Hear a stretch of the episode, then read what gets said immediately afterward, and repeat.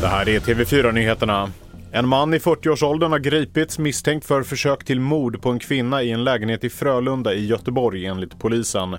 Kvinnan som är i 25-årsåldern ska ha utsatts för slag och strypgrepp. Hon har förts i ambulans till sjukhus. Skadeläget är oklart men hon var talbar när polisen kom. I Argentina har oron på landets migrationsmyndighet börjat gro. Under det senaste året har nämligen 22 000 ryska medborgare rest till landet, varav nästan hälften har varit gravida kvinnor. Barn som föds på argentinsk mark blir automatiskt argentinska medborgare.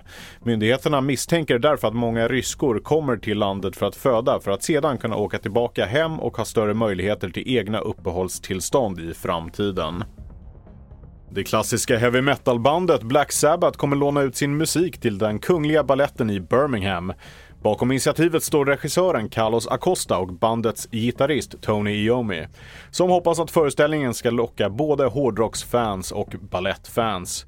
Mer nyheter hittar du på tv4.se och i appen.